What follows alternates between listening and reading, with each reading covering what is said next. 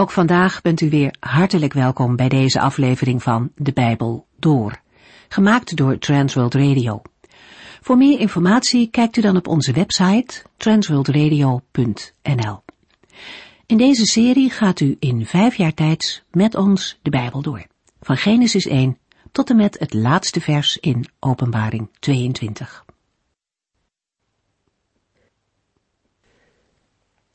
Voor we met deze aflevering van start gaan, wijs ik u graag nog even op onze website transworldradio.nl.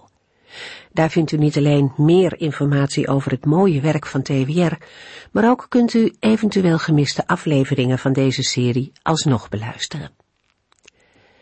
We beginnen nu met een terugblik op hoofdstuk 8 van het Bijbelboek Hosea. Hosea 8 opent met een alarmering. Er dreigt groot gevaar. Het Assyrische leger komt als een arend in het tienstammenrijk binnenvallen. Maar er is meer aan de hand. Het is de Heere zelf die zijn oordeel over Israël zal voltrekken. Nog klinkt er een waarschuwing via de profeet dat de ondergang van Israël dichtbij is. Maar de mensen willen er niet naar luisteren. Het zal wel meevallen, denken ze. De Heere is immers met hen. En intussen gaan ze hun eigen gang. Hosea beschrijft hoe het volk buiten de Heere om koningen aanstelt en eigen gemaakte afgodsbeelden aanbidt. Het maakt de Heere woedend. God speelt geen enkele rol in het leven van de Israëlieten en toch zien ze dat zelf niet zo zwaar in. Men denkt het volk van God te zijn, maar men neemt zijn woorden niet serieus. God zegt dat hij zijn wetten wel tienduizend keer aan het volk heeft voorgehouden maar ze doen er niets mee. Ze zeggen dat ze bij de Heere horen, maar ze luisteren niet naar zijn woord. Zij verwachten hun hulp van andere mensen. En hoe pijnlijk is de conclusie aan het eind van hoofdstuk 8. Israël heeft zijn maker vergeten. Men was overal druk mee bezig, maar zette de Heere buitenspel. Israël eens uitgekozen om Gods speciale volk te zijn. En God wilde bij hen zijn, te midden van hen wonen. Hij gaf zijn woorden en geboden om hen in een gebroken wereld toch te laten leven in vrede, voorspoed en in zegen. Hij gaf zijn woord en beloofde trouw aan zijn volk. Maar Gods trouw werd beantwoord met ontrouw, en Gods liefde vond geen wederliefde. Gods volk vergat hem. En deze trieste constatering, deze breuk, leidt er uiteindelijk toe dat de Heere hen loslaat. De ballingschap komt steeds dichterbij. We lezen verder in Hosea 9. In de vorige uitzending lazen we al een paar versen van Hosea 9. De boodschap is in de eerste verse al duidelijk Israël zal in ballingschap worden weggevoerd. Economisch ging het erg goed in Israël. Er was voorspoed en de mensen genoten van de opbrengsten van hun land en vee. De Heer had hen gezegend met voorspoed, maar dat had het geestelijk leven van de Israëlieten verslechterd en hen van de Heere afgedreven. Ze waren God ontrouw geworden.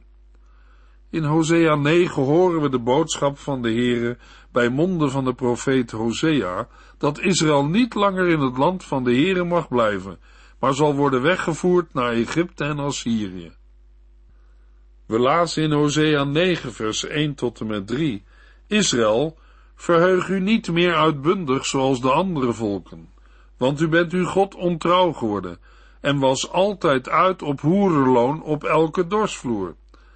Daarom zullen uw oogsten tegenvallen en uw druiven aan de wijnstok verdorren. U zult niet langer hier in dit land van de Heere mogen blijven, maar worden weggevoerd naar Egypte en Assyrië, en daar leven van voedsel dat volgens de wet van Mozes verboden is. In Hosea 9 ontmoeten we Hosea op een oogstfeest. Vermoedelijk moeten we denken aan het feest dat Jerobiam, de eerste koning van het tienstammenrijk, Israël, heeft ingesteld als een vervanging van het Loofhuttenfeest. In een vorige uitzending zagen we al dat Jerobiam de eerste dat deed, om te voorkomen dat de inwoners van het tienstammenrijk naar Jeruzalem bleven gaan voor een van de grote feesten in Israël. Immers dan zou het gevaar bestaan dat de inwoners van het tienstammenrijk weer zouden kiezen voor de koning uit het huis van David. Maar terwijl het bij Israëls grote feesten ging om het gedenken van de grote daden van de Heere en de vreugde die er te vinden is in zijn dienst, ging het bij Jerobiams feesten alleen om eten, drinken en vrolijk zijn. En bovendien werden die feesten al snel doortrokken van allerlei heidense gedachten en gewoonten, en ontaarden de feesten in gruwelijke orgieën. Lallende opgetogenheid heerste op de dorsvloeren, de hooggelegen plaatsen op de heuvels, waar de mensen dachten, naar heidense opvatting, dichter bij de goden te zijn. Tijdens een van die feesten verschijnt Hosea met een ernstige boodschap vol dreiging. Er is geen enkele reden om feest te vieren. Al dansend en springend is het volk de Heer ontrouw geworden. Voor zo'n volk geldt, u zult niet langer hier in dit land van de Heere mogen blijven. Nu vieren ze nog een oogstfeest, maar binnenkort zal er geen koren meer geoogst worden en geen wijn meer zijn om te drinken. Israël zal verdreven worden uit het land dat de Heer aan hun vaderen had gegeven. Het volk zal opnieuw in slavernij worden gevoerd, net als destijds in Egypte. Alleen zal het land van slavernij nu Assyrië zijn. Dan zullen ook de vormen van de godsdienst verdwijnen, die Israël tot nu toe een beetje in stand heeft gehouden. Hosea 9, vers 4 tot en met 7. Daar, ver van huis, zult u geen wijn mogen sprenkelen als offer aan God, want hij zal geen genoegen vinden in de offers die daar worden gebracht. Ze zijn verontreinigd, net als het voedsel van hen die in rouw zijn. Wie zulke offers eet, wordt onrein. Zij mogen dit voedsel wel voor zichzelf gebruiken, maar niet aan de Heer offeren. Wat zult u doen op hoogtijdagen en op feestdagen voor de Heere, wanneer u als slaven naar Assyrië wordt weggeleid? Wie zal uw achtergelaten bezittingen erven? Egypte, zij zal uw doden verzamelen, en Memphis zal hen begraven. Doornen zullen uw kostbaarheden bederven, en distels uw tenten overwoekeren. Het moment van Israëls bestraffing is aangebroken. Het is bijna tijd voor vergelding en Israël zal het goed merken. De profeet verliest zijn bezinning. De man die door de geest wordt geleid, wordt waanzinnig door de omvang van uw ongerechtigheid en uw vijandschap tegen God. Drankoffers en spijsoffers zullen niet meer worden gebracht. Er zal niet genoeg zijn om te offeren, want al wat er nog aan brood is, zal nodig zijn om in leven te blijven. En al zou er wat meer zijn, dan is het ongeschikt om te offeren, want het is onrein. De Heere kan met het volk dat wordt weggevoerd en met de offers die zij brengen geen bemoeienis hebben.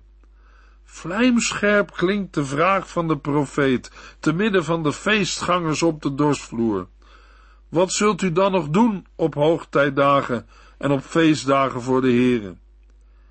De Heere komt om de zonde te bezoeken en er is niet aan te ontkomen. Wie naar Egypte denkt te kunnen vluchten, zal terechtkomen in Memphis, de dode stad, waar niet meer dan een graf zal wachten. Israël zal erachter komen. Er is een God die leeft en mensen verantwoordelijk stelt en vonnis geeft. Het moment van Israëls bestraffing is aangebroken. Het is bijna tijd voor vergelding en Israël zal het goed merken. Luisteraar, ik denk dat het na deze woorden van Hosea stil is geworden op de dorsvloer.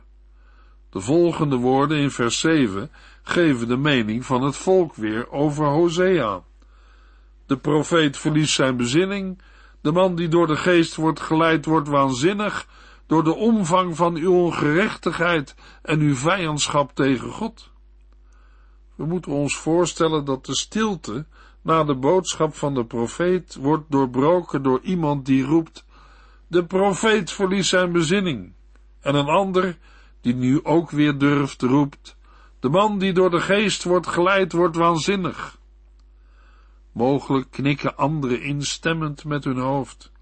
We hebben het altijd wel gezegd. Hosea is niet normaal. Dat is toch ook al gebleken uit zijn huwelijk. Nee hoor, het feest moet doorgaan. En de haat groeit tegen de boodschapper van de Heere, die volgens de mensen alleen de feestvreugde maar verstoort. Maar vers 8 maakt duidelijk dat Hosea is aangesteld als wachter over Israël. De profeet, maar vooral de Heere, heeft het goede met hen voor. Hij waakt over hun zielen. Het was de opdracht en taak van alle profeten die de Heere naar Israël stuurde. Hosea 9 vers 8 Ik stel de profeten aan om te waken over Israël, maar de mensen sneden hen aan alle kanten de pas af en toonden openlijk hun haat jegens hen, zelfs in de tempel van God. Nee, de Israëlieten waren niet blij met de profeten die de Heere naar hen toestuurde. Ze zeggen over de profeet Hosea, wat moeten we met die man? Ze kunnen hem niet over de grens zetten als ongewenste vreemdeling, zoals ze dat 25 jaar geleden met de profeet Amos hadden gedaan, die uit Juda afkomstig was. Maar ze proberen wel op allerlei manieren Hosea het leven zuur te maken. Ze tonen openlijk hun haat en overal ontmoet hij vijandschap tegen de boodschap die hij namens de Heere moet doorgeven aan het volk. Dat is ook voor Hosea zelf niet gemakkelijk, om dan toch trouw te blijven en door te gaan. Door te gaan met te verkondigen dat er zwaar weeropkomst is, aan een volk dat brood en spelen wil. Het is een patroon wat de geschiedenis van de mensheid en ook de geschiedenis van het volk Israël vaker laat zien. De Heere wil zijn volk en ook ons wakker schudden uit een valse rust. Een rust waarmee een mens, Jood of niet-Jood, de eeuwige ondergang tegemoet gaat. Maar de natuurlijke mens, ook al is hij absoluut godsdienstig, keert zich van de trouwe boodschapper van de Heer af. Zij willen niets van zijn sombere boodschap weten. Hosea 9 vers 9 Het volk is even diep gezonken als vroeger in Gibea. Maar God vergeet hun zonde niet. Hij zal het volk ervoor straffen. Hosea waarschuwt tegen het naderende onheil, maar het volk luistert niet. Namens de Heere brengt de profeet het volk hun eigen geschiedenis in herinnering. We lezen wat de Heere zegt in Hosea 9 vers 10. O Israël, ik herinner mij nog goed die eerste dagen toen ik u door de woestijn leidde. Wat was uw liefde verfrissend. Wat was het verrukkelijk als de eerste vijg aan het begin van het seizoen. Maar daarna verliet u mij voor Baal Peor. U gaf zich aan afgoden en werd al gauw even weerzinwekkend als zij.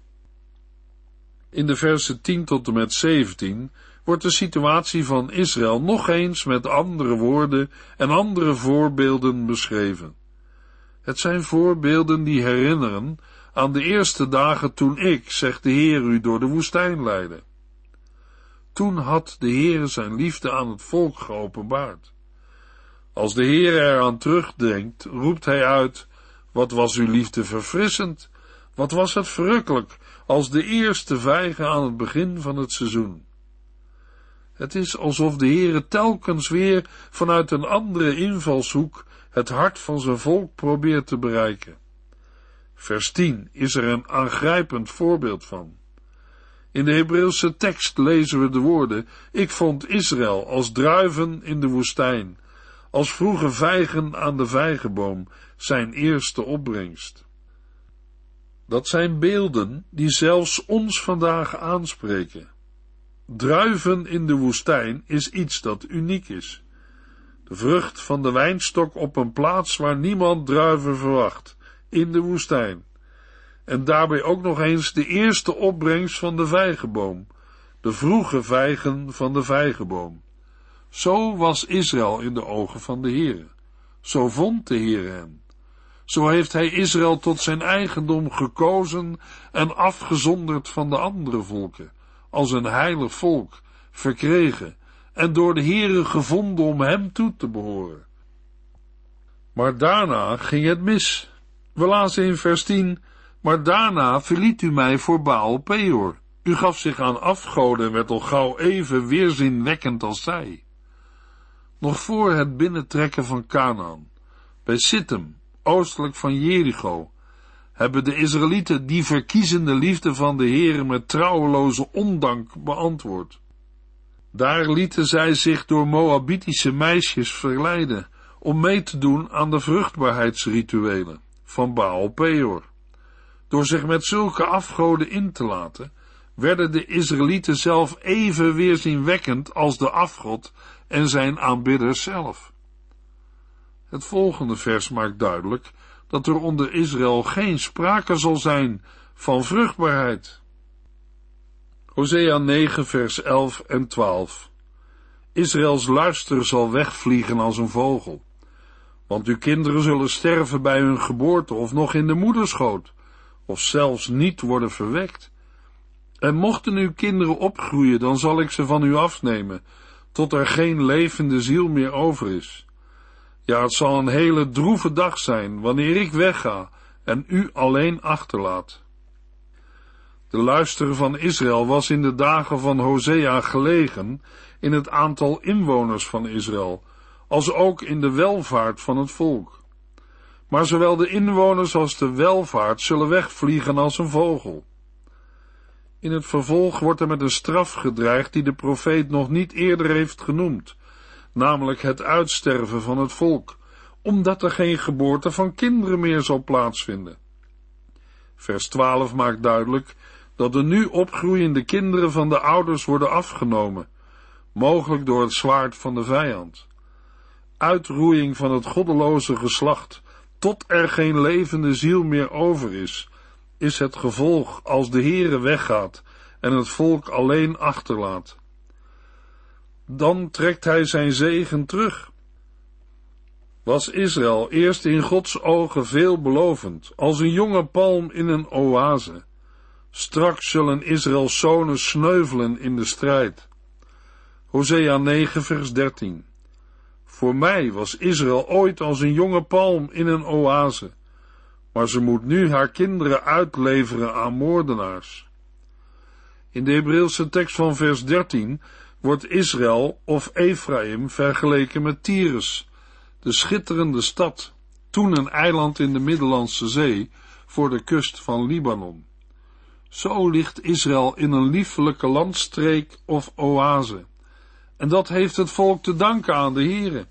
Hij heeft het volk er geplant, niet in een woestijn, niet in een land van duisternis. Nee, de Heere heeft de wijnstok Israël uit Egypte gehaald en geplant in de vruchtbare bodem van Canaan. Maar het volk onder de zegen van de Heere en tot eer van God mag groeien en bloeien. Maar het is bergafwaarts gegaan, zo zelfs dat er door de Heere gezegd moet worden, ze moet nu haar kinderen uitleveren aan moordenaars. Bij dit trieste vooruitzicht bidt de profeet of de Heere de straf wil beperken tot kinderloze huwelijken. Al weet hij uiteindelijk ook de strafmaat in de hand van de Heere te leggen. Hosea 9 vers 14 O Heere, wat moet ik voor uw volk vragen?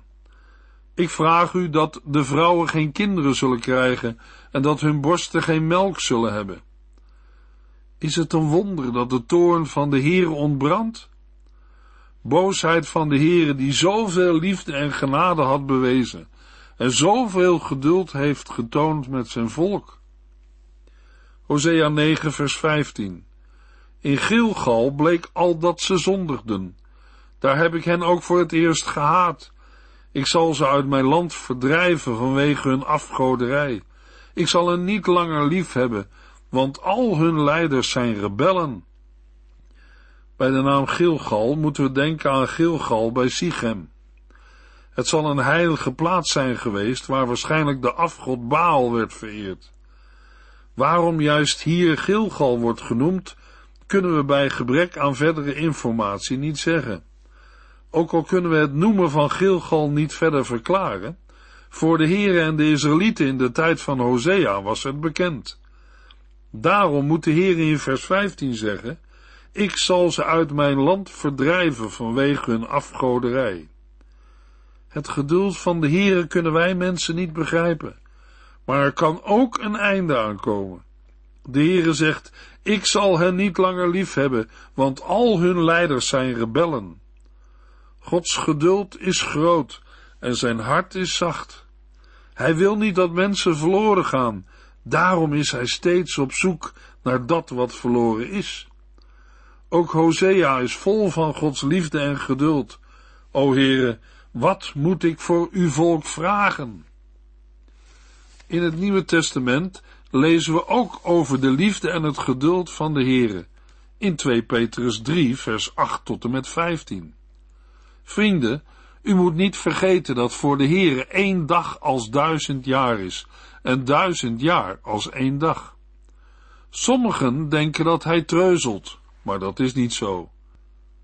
Hij wacht alleen met het vervullen van zijn belofte, omdat hij zoveel geduld heeft. Hij wil niet dat er iemand verloren gaat, maar dat alle mensen tot bekering komen. De grote dag van de Heere komt net zo onverwacht als een dief. Dan zal de hemel met een vreselijk lawaai vergaan.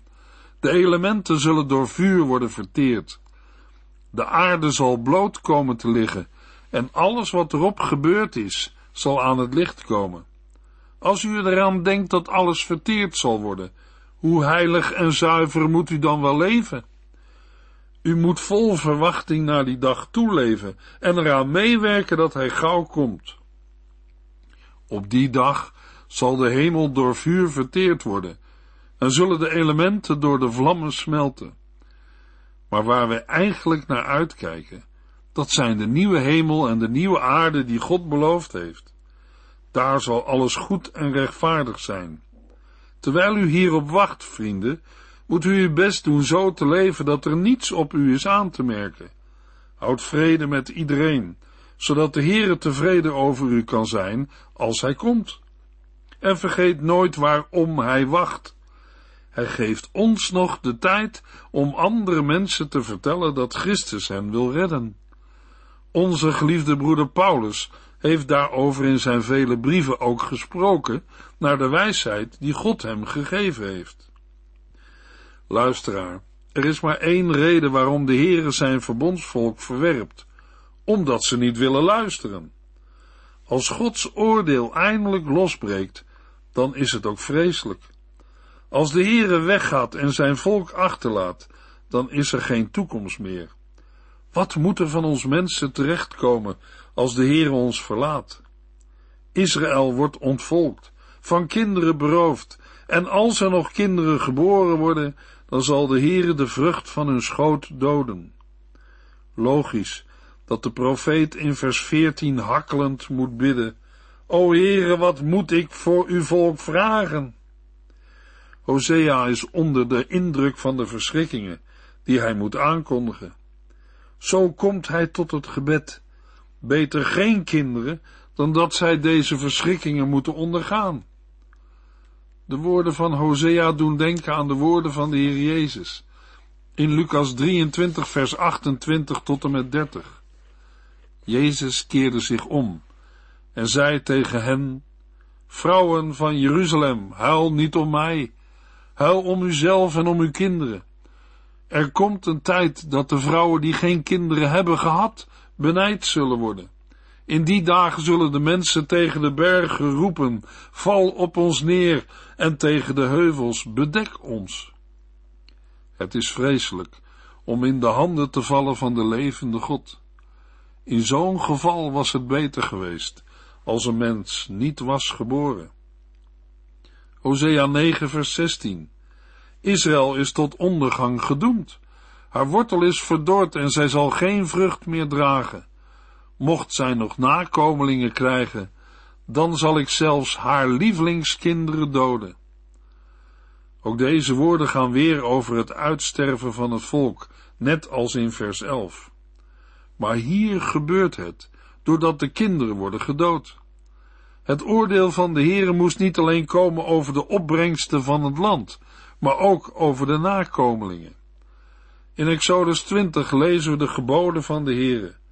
Ook dat hij zegt, want ik, de Heere, ben een jaloerse God, die de zonden van de vaders toerekent aan de kinderen, kleinkinderen en achterkleinkinderen van hen die mij haten.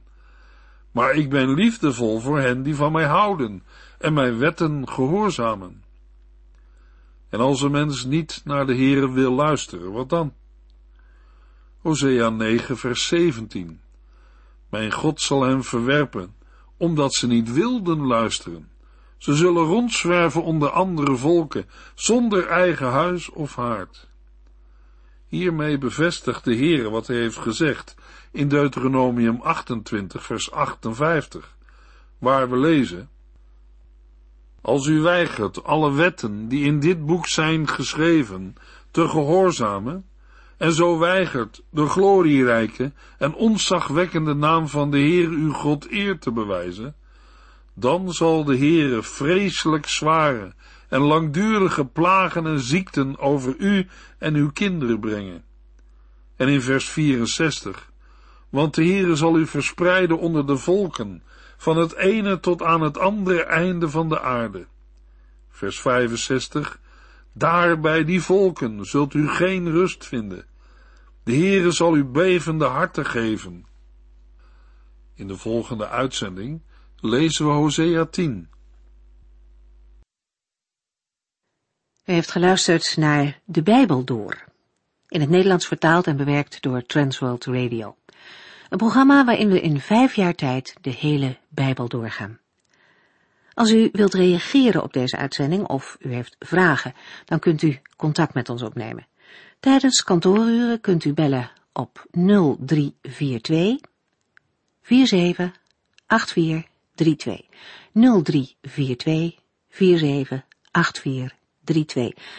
Ook kunt u een e-mail sturen naar de Bijbel door at transworldradio.nl en natuurlijk kunt u ook via de post ons bereiken. TWR, postbus 371, postcode 3770, AJ in Barneveld. Dit programma werd gepresenteerd door Cor Weda en Ike André. Techniek was in handen van Odin van Voerkom. En wij allemaal bedanken u voor het luisteren. Graag tot de volgende keer.